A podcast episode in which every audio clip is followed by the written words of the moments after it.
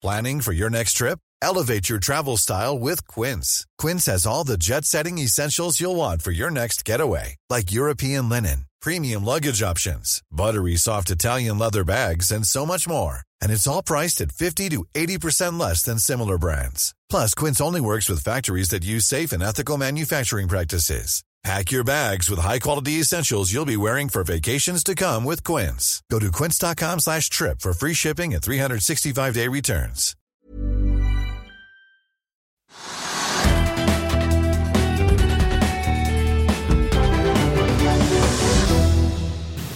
Velkommen til Økonominyhetene. Det er blitt torsdag 18. januar. Mitt navn er Stein Ove Haugen.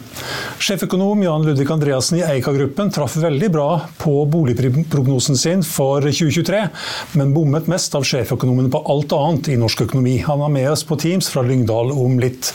Men først litt om det som skjer i markedene. Vi kan ta med at hovedindeksen på Oslo Børs den er eh, ja, opp 0,4% nå, til 1276. Og I går så hadde vi et litt større fall. Da var eh, hovedindeksen på Oslo Børs ned 1 Oljeprisen den er eh, litt grann opp. Unnskyld, den er litt grann ned, faktisk. Til 77 eh, dollar og 21 cent. Og kronen den er tilnærma uendra mot dollar og euro.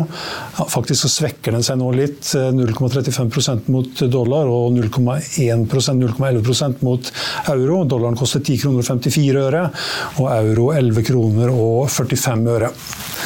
Oljefondet eh, påvirkes da også litt av eh, kronen, ikke minst.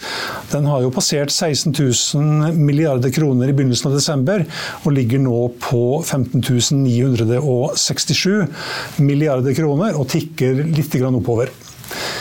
Det tilsvarer da ca. 2,9 millioner kroner per innbygger i Norge. Vi kan også ta med hvordan det står til på børsene i Europa. Her er det stort sett opp. Ja, det er opp over hele linja, egentlig.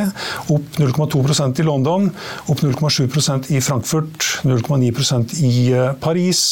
I Milano opp 1 prosent, i Madrid eh, opp 0,1 og da er også Stox 600 opp 0,5 Tiårsrenten i USA kan vi ta med før vi ser litt hvordan det står til på, på, med futures. Eh, den er på 4,10 i dag.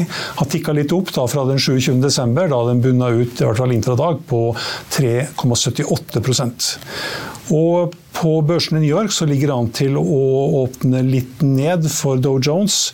Ned 0,09% nå akkurat eh, vi kan kalle det flatt. For SMP 500 så indikeres det en åpning, åpning opp 0,45% og Nasdaq ligger an til å åpne opp 0,9% Før vi går videre, så vil jeg bare minne om at om du ikke rekker å se denne sendingen, så kan du også høre den ved å søke opp Økonominyhetene på Spotify, på Apple og på finansavisen.no slash podkast. To sektorer peker seg ut på Oslo Børs torsdag. Det er sjømat og shipping. Movi skuffet litt på slaktevolum i fjerde kvartal, men driftsresultatet endte likevel høyere enn analytikerne ventet. Selskapet slaktet litt mindre enn ventet, men hadde også lavere kostnader og bedre marginer enn ventet i Chile, på Island og på Færøyene. En oppløftende oppdatering med lavere kostnader etter at kostnadsinflasjon har plaget bransjen en stund. Basert på oppdateringen ser vi imidlertid begrenset innvirkning på konsensusestimater for 2024, skriver Fearnley Securities i en oppdatering. Og aksjen er en av de som eh, stiger mest blant de mest omsatte aksjene på Oslo Børs i dag. Og den var opp eh, over 4% sist vi så på den, og den er, fremde, ja, den er opp akkurat 4% nå. Eh, i dette øyeblikk. Shipping er eh, fremdeles også i støtet, Trygve. Det er liksom sjømat og shipping som drar i dag? Ja, altså eh, shipping er jo da litt spesielt, og ikke så vanskelig å forstå heller. Shipping var veldig godt i fjor. Og så har vi fått da problemene, eller krigen i Rødehavet, som da medførte at seilingsmønstrene blir annerledes for rederiene. Og det er tørrlastselskapene som man trodde var liksom døde etter de siste års veldig gode rater og veldig gode inntekter, som har fått det da slik at disse disse sørlandsskipene må reise rundt Afrika, Horn. Og det tar to-tre uker ekstra. Det trengs da mer tonnasje. og Veldig mye av containerskipsfarten gjennom Rødehavet er blitt borte. og går da om Afrika. Og det har dratt alle ratene opp, og verdiene på skipene opp. slik at vi har fått liksom en uventet sterk oppgang i tørrlastsegmentet grunnet krig. Og krig pleier på en måte enten å påvirke tankmarkedet eller tørrlastmarkedet, i og med at det nå er snakk om da hvor, hvor mye lengre skipene må seile om Afrika fordi de ikke går gjennom Rødehavshus, det, det, det, er det store spørsmålet. Men altså, det er åpenbart at alle ser det. Og hver dag det går, Nå har det vært nye altså, raketter mot skip igjen i går, og jeg hørte kanskje det var i dag også.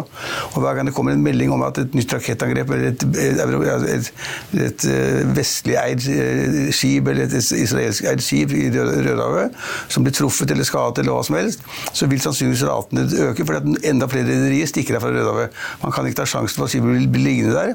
Man kan ikke ta sjansen på at man ikke får forsikringene oppgjøret. Og man kan ikke ta sjansen på at skipene blir sittende i Suezkanalen. Så velger man det letteste og enkleste løsningen, det er å ikke gå der, og gå da om Afrika. Og det betyr høyere rater og høyere inntekter for tørrlastrederiene. Og det kan vare en stund?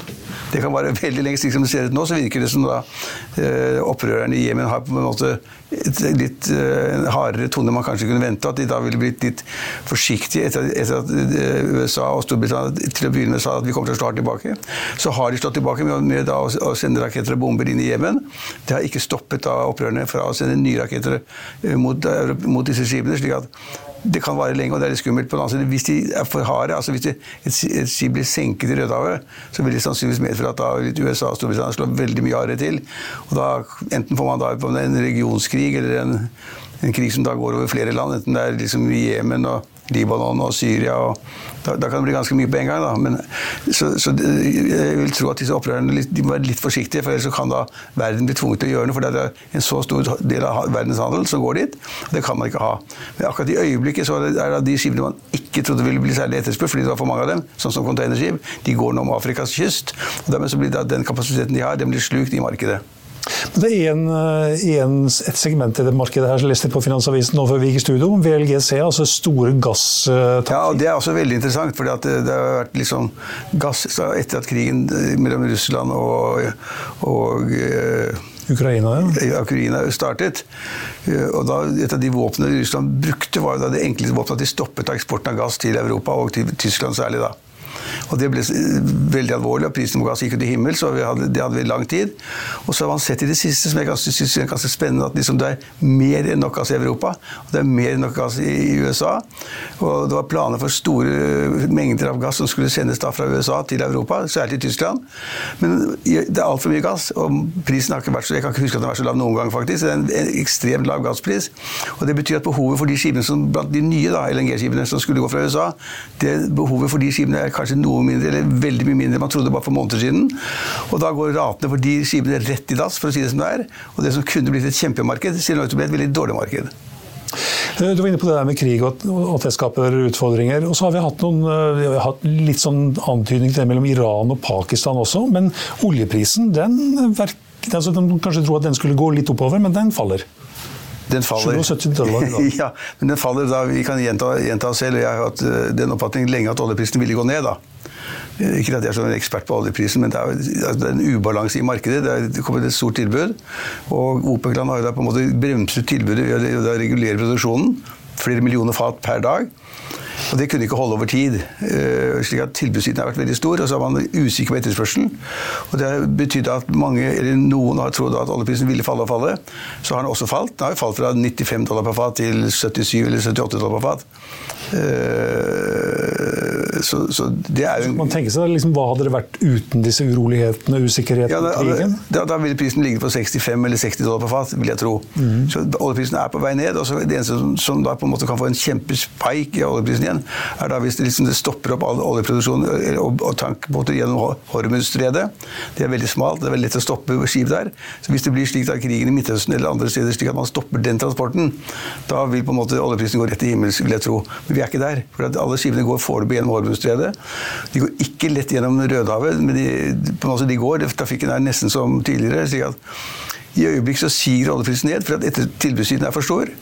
Eh, noen sier at oljeprisen skal opp i 110-120 dollar på fat. Jeg har ikke nærheten av tro på. Og nå er vi på 77. Og Sannsynligvis siger den ned på rundt 70-tallet, kanskje slutt på, ja, på 60-tallet kanskje også.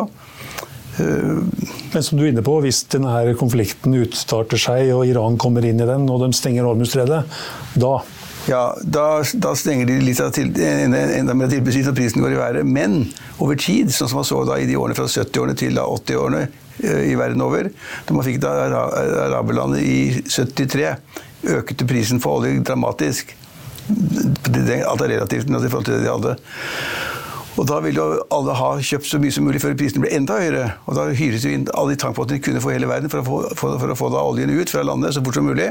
Og tankeraten gikk til himmels. Men da oljeprisen ble for stor, så ville jo ingen ha olje lenger. De kunne ikke fly. fly ble satt på bakken, vi fikk ikke lov å bruke bilene våre osv. Slik at etterspørselen ble helt strupet. Det var ikke behov for den, all den oljen. Og da gikk jo tankeraten rett i dass, for å si det en gang til. Og da gikk jo tankrederiene over ende. Og det var ikke, jeg tror ikke et eneste tankrederi på 80-tallet som klarte å overleve. De, da, de, de fleste døde, ble, ble, da oppløst eller i konkurs.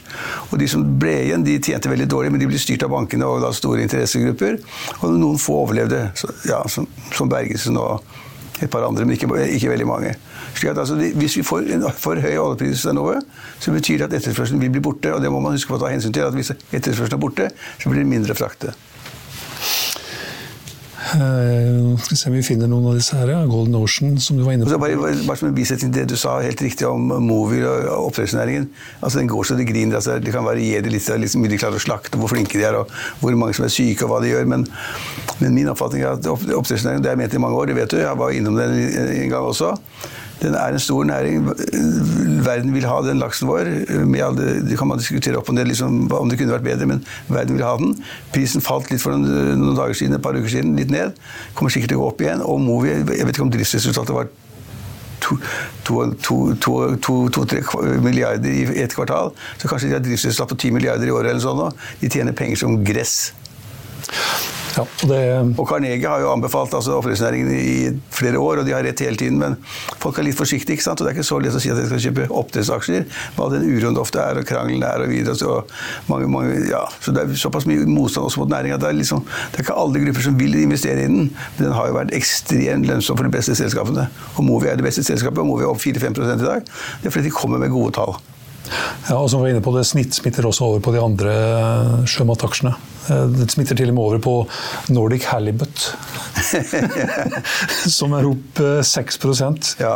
Eh, det er kanskje ikke like lett å forstå, men Kingfish Company opp 5,7 og Måsøval opp 4% og SalMare det andre også opp 1,3 Kanskje de klarer å tjene penger på torskeoppdrett også? Ja, kanskje. En helt annen ting, Trygve. Tipper du euro-jackpot? Jeg tipper aldri. Jeg lærte tidligere da jeg begynte å studere økonomi, at liksom sannsynligheten for å vinne i Lotto var 1-5 millioner. Det, det, har, det, har, jeg alltid i hodet at det er bare å gi bort penger og tippe. Men Det er alltid noen som vinner, da? Det er alltid noen som vinner. Det er fire-fem nye som blir millionærer hver helg fordi de har tippet, og det er veldig bra. Det går an i Norge å gjøre det, men det er jo ja, sannsynligheten altså, er veldig veldig liten da, når man ser på tallene. Og hvis man liksom har det innprentet i hodet at det er 1-5 millioner sjanser, altså du må ha 5 millioner tennisballer, skal du plukke ut én tennisball, det er ikke mulig nesten. Men så er det det som da skjedde, som da den Europa-jackpoten, hvor da en kvinne på Østlandet i Oslo da vant da 1,4 milliarder kroner. 1,36 eksakt. Det er så mye penger at det er helt ufattelig. Det er jo 60-70 millioner i renteinntekter i året. Altså 60-70 millioner i renteinntekter hvis du bare setter pengene i banken. Og så må du ut med en kjempeformuesskatt. Kjempeformuesskatt, men likevel så kommer det sånn pluss-minus null. da. Det blir vel 15 millioner eller sånt i formuesskatt? Ja. Og så, er det, og så får du vel kanskje 20 millioner i Bare 20 millioner i renteinntekter. Ja. Så skattes da nei, du får 60 millioner. Du får vel 20 millioner i, i, i inntektsskatt? Inntektsskatt, ja. ja. På 60 millioner eller noe sånt nå i? Det, si det, er helt sprøtt. Altså Hvis noen, at noen kan tjene på å kjøpe et lodd til 50 kroner, kan tjene eller få 1,4 milliarder, det er helt, det er helt sprøtt. Men jeg syns det er råmorsomt. Det blir så mye styr ut av det. Hva kjøper denne personen? Betaler lånet til barnas boliger, eller kjøper nye boliger til barna. Og denne personen har sagt at det første hun skal gjøre, er en lang sydentur med, barna, med, med, familien. Og da blir det kanskje borte 50 000 kroner, da, men det er igjen liksom 1,54 milliarder kroner. Det er helt sprøtt, men kjempemorsomt. Men jeg skjønner ikke at det, at det er helt vilt. Hva hadde du gjort hvis du hadde vunnet 1,4 milliarder? det er godt spørsmål. Altså, jeg har jo det. Du har satt dem i banken, du. der, der, får jeg 4,3 nå. Ja. Så det blir penger av det også. Og hvis du da hadde fått, brukt, fått 5 istedenfor 4,3 som jeg får nå, så hadde det blitt eh, noen og 60 millioner kroner i året. Mm. Men jeg hadde vært litt kjedelig da. Altså, olje, olje, Sjefen for oljefondet, uh, Nicolai Tangen, han tok jo hjem fra USA 8 milliarder kroner. De står i banken et eller annet sted, de også. man, må, man må bare ikke sette det i gal bank. Hvis han setter i en dustebank som da på en måte går konk, så mister han alle innskuddene. For det, det, det såkalte sikringsfondet som passer på pengene våre, for oss, de som, vi som har bankinnskudd, de garanterer bare for to millioner. Så Hvis man da setter 1,4 milliarder i banken, så er det ikke så bra hvis banken går over ende. Sånn som vi hadde med islandske banker. Så banker går over ende. Det finnes, finnes banker som går over, over, ende, og da hjelper det ikke å fordele på tre-fire banker hvis du har 1,4 milliarder. Det, da må du finne på noe annet. Det tipper jeg Tangen har gjort, og den damen som da har vunnet disse pengene, må også finne på et eller annet. Kanskje hun burde flytte til Sveits? Sannsynligvis. Hun vil jo spare da vil jo spare da 22, 37 millioner i året i skatt bare fra første dag. Ja. Men det spiller kanskje ikke noen rolle når du har 1,4 milliarder? Nei, det tror ikke jeg heller. Jeg tror, jeg, tror, jeg tror, det går an å bli lykkelig med de pengene. òg. De fleste mennesker og kommentatorer vil jo si at det går an å bli lykkelig med penger. Og det kan man bli lykkelig av. Hvis du har lite utgangspunkt og har stor familie og syns det er gøy, kan du finne på masse der du kan gi til organisasjoner, du kan gi det til familie, du kan bygge en ny fotballbane, du kan bygge en ny håndballhall Du kan, du kan kjøpe et børsnotert selskap? Du kan kjøpe et selskap, du kan kjøpe XXL.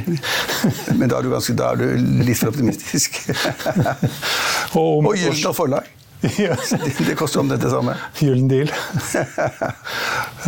Vi får sikkert vite hvem det er før, eh, før skattetallene kommer neste det lekkes, år. Men... Det lekkes helt sikkert ut. Du klarer ikke å holde det hemmelig. Altså, hvis du bor på Lillestrøm eller, eller ja, Lierstrand eller hvor det måtte være, på Østlandet et eller annet sted, det klarer du ikke å holde på. Det tror jeg ikke noe på. Moro, iallfall. Moro er det, ja. Vi kan ikke lese over det. Ja, absolutt. Vanlige folk kan plutselig bli milliardærer. Ja. Eh, før vi tar inn gjesten, eller vi skal ta en kort pause. Og så har vi med oss sjeføkonom Jan Ludvig Andreassen i Eika-gruppen. Vil du bli oppdatert på det viktigste som har skjedd innen finans og næringsliv? Da er det bare å følge med, for hver morgen er jeg, Marius Lorentzen og aksjekommentator Karl Johan Malnes på plass i studio for å ta tempen på dagens marked i Børsmorgen. Og hver ettermiddag oppsummerer vi alt du trenger å vite i økonominyhetene, og det blir selvfølgelig masse interessante gjester. Klikk deg inn på fa.no-tv, eller søk opp Børsmorgen og Økonominyhetene der du hører på podkast. Ja, Da har vi med oss sjeføkonom Jan Ludvig Andreassen i Eika-gruppen.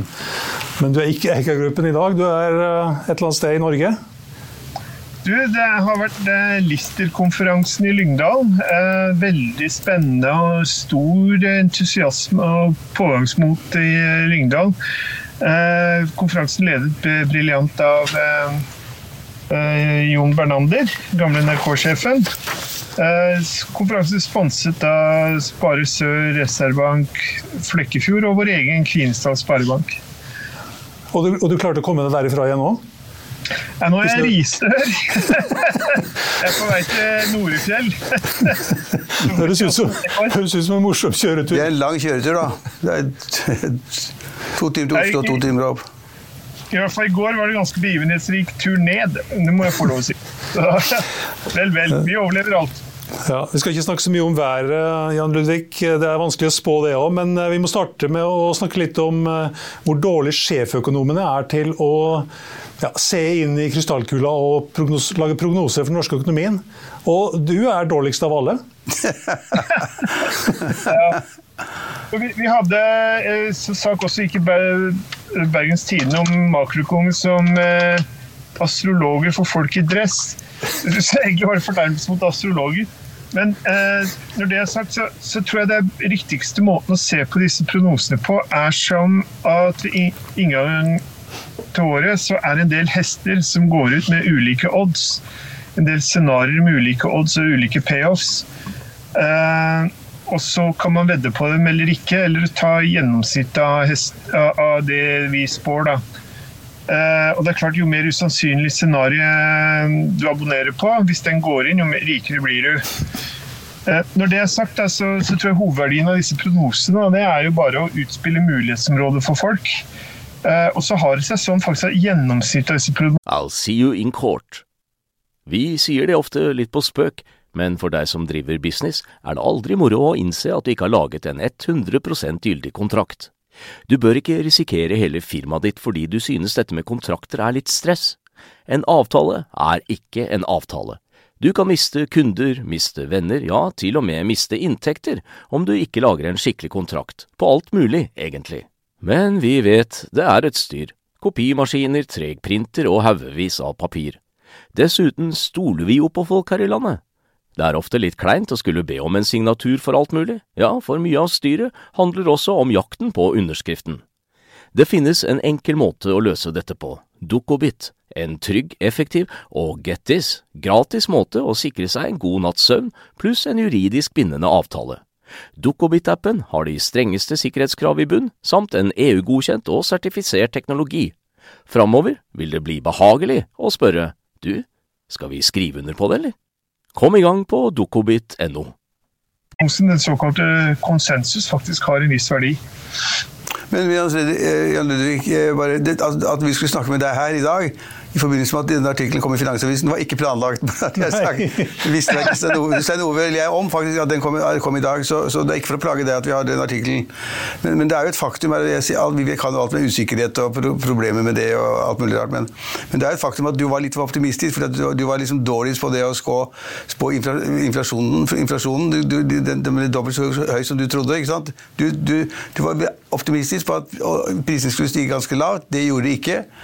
Eh, og så var du altfor optimistisk når det gjaldt renten. Rente var, var, også halvparten av virkelig renteutviklingen. til Du, du bomma på prisveksten, som også smittet over på dine tanker om renten, sannsynligvis. Og så hadde du en, fulltreff, og det var på boligmarkedet. Der var, kom du ut med null, mens de fleste andre trodde at prisen skulle synke. Men du, du, var, du var, kanskje for snill. Du, du trodde for godt om verden, da. Jeg tror dette illustrerte for meg i hvert fall eh, en ny eh, sårbarhet i kronekursen. Fordi vi tenkte tidligere at ja, Der bommet, der bommet, du, der bommet jo veldig.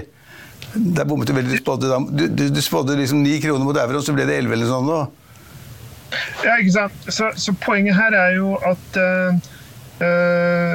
og, og, og, Hvis du glemmer litt mine spådommer, så har vel Eh, poenget med krona er at den har vært mer volatil og rundt en fallende tendens i senere år. Eh, og det er egentlig litt problematisk, fordi eh, med en importandel i konsumprisindeks på rundt 32% så er det nesten umulig å få 2% prisstigning i Norge hvis kronekursen faller 10, som den gjorde i fjor. Ja, men, Jan Ludvig, men, men, du bommet. Du bommet mest av alle. Ja, jeg får forklaringen. Vi tar, vi tar teoretisk utlegningen. Men du bomma, du bomma. Du trodde det ble 9, og så ble det 11 mot euroen. er, kronekursen, er kronekursen roten til alt vondt? Nei, jeg vil i hvert fall si det sånn at det er en nytt utviklingstrekk. Jeg husker Øystein Dørum en gang sa at uh, det var når krona var på vei fra 7,5 og oppover, at bedrifter som ikke tåler 9 kroner, har ikke livets rett. Så når vi var på ti, så tenkte vi det var en svak krone. Eh, og så tok jeg hardt i på når det gjaldt å spå prisstigning. Men det interessante her er jo at krona er eh, litt ute av kontroll, og så viktig som den er for lønnsoppgjør, pengepolitikk, finanspolitikk osv. Det er en sånn bærebjelke på en måte som svikter litt. Og eh, og så er det sånn at eh, Veldig overraskende for meg, så har ikke næringslivet hatt så stor glede av den svake krona engang. Eh, vi ser i dag sant, ny måling av sentiment i industrien, den er dårlig. Industriproduksjonen er lavere i dag enn den var for 16 år siden. Altså, krona har senka seg 40% mot euro. Eh, vi har ikke så mye glede av det, antakeligvis fordi når krona er veldig svak, så kommer ikke fagarbeidere til Norge, og det er mer sånn hassle med det enn det var i gamle dager. Så det har fått meg til å tenke litt nytt om hele valutakurssystemet. At kanskje må vi pegge oss på euro, så vi får litt mer stabilitet i dette. Ja, men det, ja, men det blir ikke noe av, vet du. Det blir ikke noe av. Du kan tenke deg at det kan være en ny løsning, men det blir ikke noe av. Så Hva, har du lært av det, da? Altså, det, det, hva vil du gjøre annerledes når det gjelder å gi en prognose? Eller si at det kan jeg ikke, for det er for vanskelig, og det er krona svever, og det, vi kan ikke gjøre noe? Har, har du et svar på liksom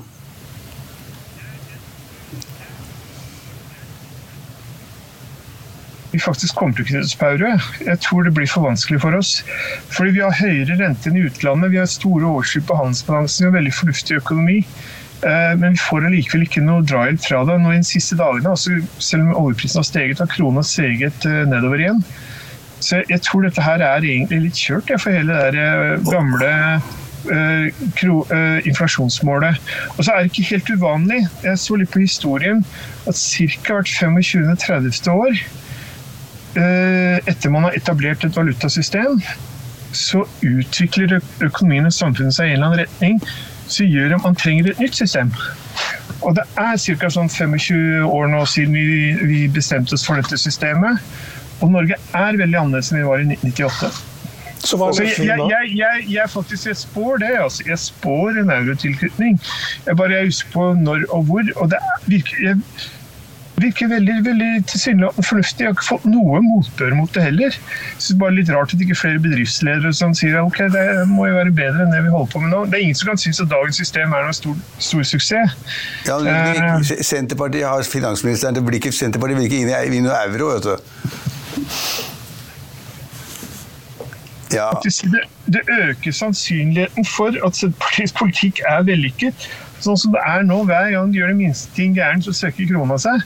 Uh, sånn at jeg tror at uh, Nei, det, det er en viss økonomisk fornuft som taler for det. Jeg var, var på Vestlandet, liksom, det mangler fagarbeidere, får ikke polakker til å komme. Uh, det er ikke hva hjelper det da at du får litt bedre betalt for sveisearbeidet ditt når du ikke har sveisere? og, og så videre. Og, og hele greiene oppe i Nord-Norge med mangel på sykepleiere er jo rett og slett fordi at eh, folk østeuropeisk eh, medisinsk arbeidspersonale som tidligere kom til Norge, kommer jo ikke til Norge lenger. Men- men kan-. Men, men kan knytning mot euro løse det problemet? Ja, da veit i hvert fall folk hva de har. Eh, og da kan man heller eh, Men jeg tror de facto, de facto nå så har vi en sånn snikende overgang. Jeg tror de fleste kontrakter i næringslivet i dag hvor det er valuta er viktig, så er det med kursforbehold. Som er en slags sånn snikinnføring via kutymen i næringslivet. Eh, og- veldig mye taler for det. Tenk at du skulle ansette Trygve, en administrerende direktør fra England. Han skulle komme i familien sin. Han kan jo ikke kjøpe bolig, for han aner jo ikke hva den der greia er verdt om tre-fire år når han skal flytte hjem igjen. Eh, og så det, det er mange sånne praktiske ting som blir mindre. Så er det ting som slo meg, og det er at hvis du ser på arbeidsmarkedet sist, og det var jeg ikke klar over faktisk, det lærer jo, lærer jo tross alt på gamle dager, eh, men i dette årtusen så har antall nordmenn i arbeid økt med 20 000. Det er 1000 mennesker i året. Antall utlendinger i Norge som er i arbeid har økt med 400 000. Så det norske samfunnet er veldig annerledes i dag enn da vi innførte inflasjonsmålet. Ja. Men du, du, du, du sa i en bisetning det at oljeprisen hadde falt, og at det kunne være en av årsakene til at, liksom, at eh, svekkelsen av, øh, av, av, Økningen i kronekursen, sa du egentlig, men at oljeprisen har jo, den har jo falt, ikke steget. Den, Disse dagene har den steget, og krona har falt. ja, men steget, oljeprisen har steget fra 76 til 77, eller 77 fra 77 dollar til 78 dollar. Det er jo, det er den faller. Den er på vei ned mot 70-tallet. Eh, så, well, anyway, så so, greia er at uh, hvis, hvis du ser på det vi går på i retning av nå, da, så er det fortsatt med et overskudd på, på driftsbalansen mot utlandet på ca. 10% av BNP. Uh, og, dit, og mesteparten av det handler i offentlig sektor. Så har vi, så har vi uh, veldig god konkurranseevne, på en måte. Kostnadsmessig konkurranse har nesten aldri vært bedre. Så ligger, og vi har høyere rente enn i utlandet. liksom Som om vi skulle vært eh, et u-land eller sånn, eh, på vei inn til å bli et modent land, så har vi høyere renter enn i euro. Og Likevel faller eh, kronekursen. Og Da tenker jeg det må være noe annet med kapitalbevegelser eller et eller annet som skjer. at på en eller annen måte så funker det ikke sånn som det gjorde i gamle dager. Det grunnleggende poenget er ikke nivået på krona, det er at den er blitt uforutsigbar. Det er gjelder veldig når- når- når- lønnsoppgjør, finanspolitikk osv. Ok, og når kommer da kuttet fra Norges Bank? Nei, altså sånn som dagens regime er, så er jeg veldig usikker, fordi Ja, det er vi også, men hva, hva, hva, hva tror du? Når, når kommer kuttet, hvis det kommer i det hele tatt? Nei, i denne her berømmelige gjetteleken på makrostørrelser, eller prognoser, så har jeg lagt inn to kutt da, i andre halvår. Eh, I god tid etter eh, ESB skulle kutte. Men i den prognosen så var det at ESB kutta i mars, og nå sier Lagarde de kutter i sommeren. Så det ser ut til å bli utsatt, det òg. Det er også et tilleggsproblem her som har dukket opp, som ikke hvert fall jeg hadde på radaren. og Det er at kommunene har slått seg litt løs. Så nå er uh, kredittveksten til kommunene 8% Og det er ganske heftige greier, for kommunene, kommunenes samlede lån er dobbelt så høye også som de var før i gamle dager. Så når de låner 80 8% så låner de faktisk netto en årlig rate på 50 milliarder kroner. Eller rundt et prosent av BNP. Og det er mye mer enn Finansdepartementet har lagt til grunn. Så kommunesektoren nå kommer til å suge til seg mye ressurser, og mer enn jeg hadde trodd. Så nei, det ligger det, må, det som skal til for å få renta vesentlig ned, det er at Jan Andreassen, kroneprognose, hold deg fast, treffer i år. Vi havner på 9,5. Du, du traff veldig bra på boligprisene. Hva tror du om boligprisene i år? Dette er veldig overdrevet, eh, disse årlige greiene. Poenget er at i det lange løp så stiger boligprisen med lønnsveksten. Og når vi nå har trøkka det ned med disse rentegreiene disse pussighetene og ødelagt boligbygging og sånn, som vi har gjort de siste par åra, så legger vi til en ordentlig rekyl, så vi kommer til back on track, på en måte. Og så, så jeg Tror ikke, tror ikke, du, tror ikke, du, på, tror ikke du på 12 da? Jo. eh, Prisvekst? ja, Snitt? Og jeg, jeg vil si det på denne måten, jeg er ganske trygg på at over de neste fem åra så har vi en boligprisvekt på 20-25 og så er jeg Ja. usikker på at vi kommer. Men antageligvis får vi en rekyl. Tipper det neste året. Og hvis vi ser på starten av året, da, akkurat som i fjor, så er det litt sterkere enn venta. Så da, det, Vi betyr er, at folk, vi, er, vi er i det betyr at folk ikke skal selge boliger nå, de skal vente med å selge. Så skal de ikke, altså, eller skal de, hvis de selger nå, så må de kjøpe veldig mye dyrere om ett eller to år, da. Ja, jeg vil si det at det fortsatt er i verdens rikeste land en god idé å kjøpe bolig, særlig når vi har slutta å bygge dem. Husk at eh, eneboligbyggingen er nå så lav at den er omtrent på nivå med avgangen av eneboliger. Så vi har, har altså nullvekst i beholdningen av, av, av boliger. Eh, Ja, vi, er, ja, vi er helt enige med deg. Så vi, vi, det er katastrofe for bygg og anlegg. og bygge, Det bygges ikke boliger i det hele tatt, og ingen kjøper heller. Så det vil bli en katastrofe i den næringen i det året vi er inne i nå. Og du, så vidt jeg har forstått, så har du sagt at du tror at boligprisen vil øke med 12% i år.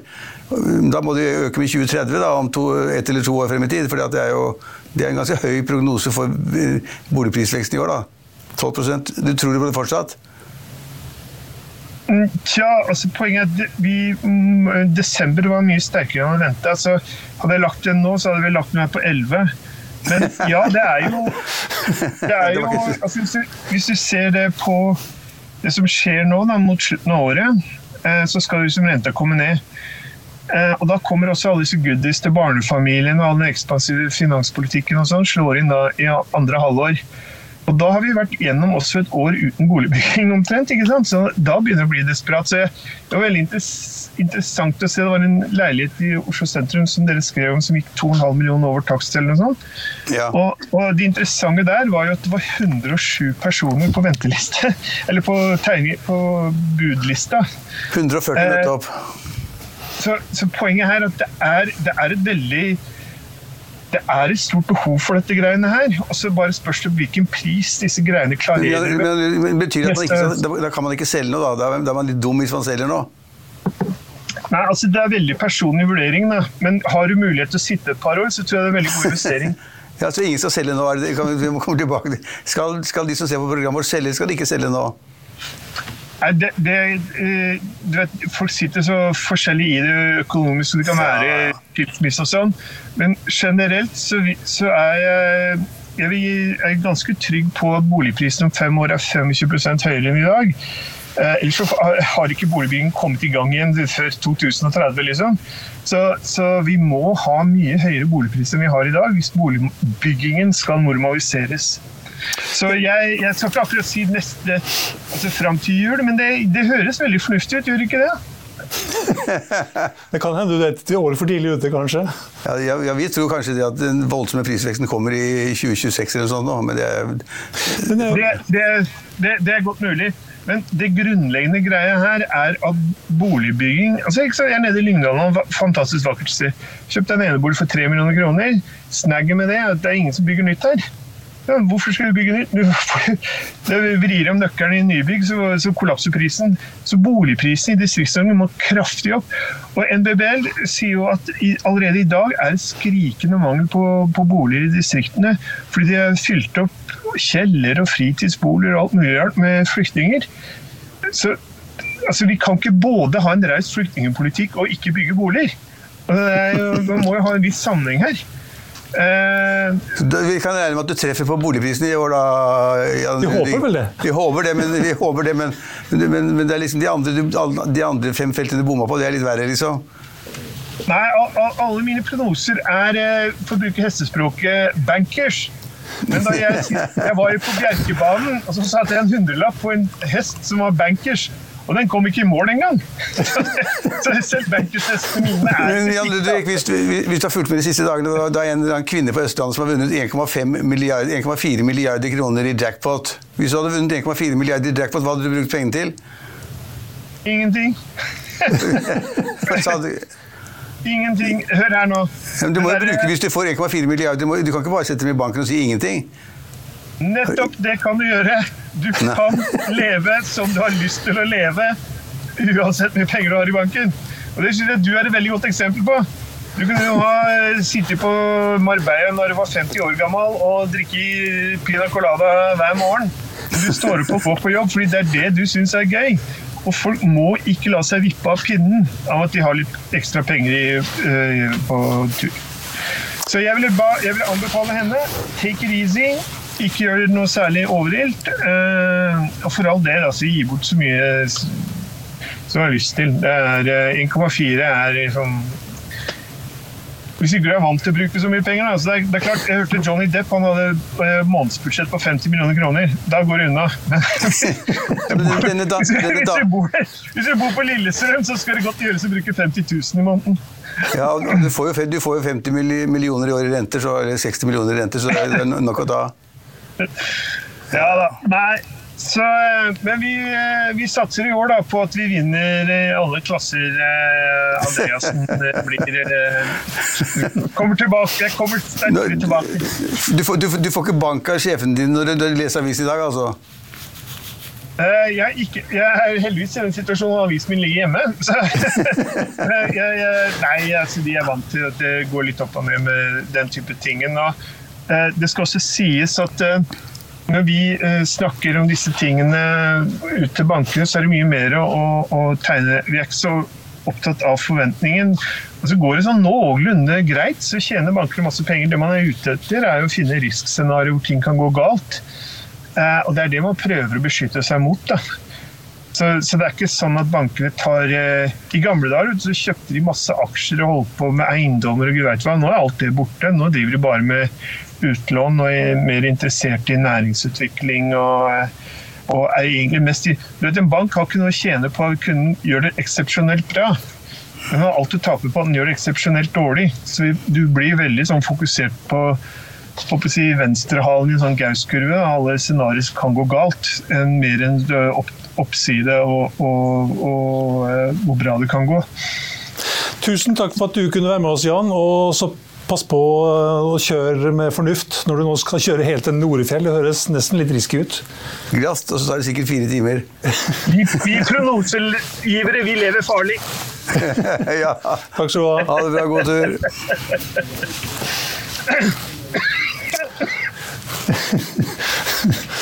ja, det var morsomt.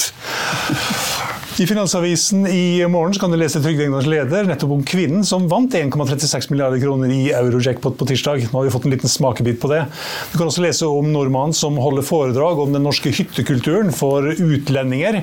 Om advokatfirmaet som kaprer, flest, eh, ja, kaprer flere partnere. Om hvor gode Movi-tallene for fjerde kvartal egentlig var. Det var det vi hadde i Økonominyhetene her på Finansavisen TV torsdag 18.11. Mitt navn er Stein Ove Haugen.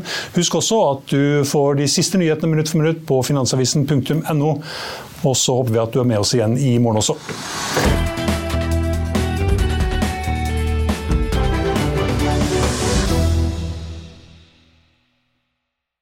Økonominyhetene er en podkast fra Finansavisen. Programledere er Marius Lorentzen, Stein Ove Haugen og Benedikte Storm Bamvik. Produsenter er Lars Brenden Skram og Bashar Johar.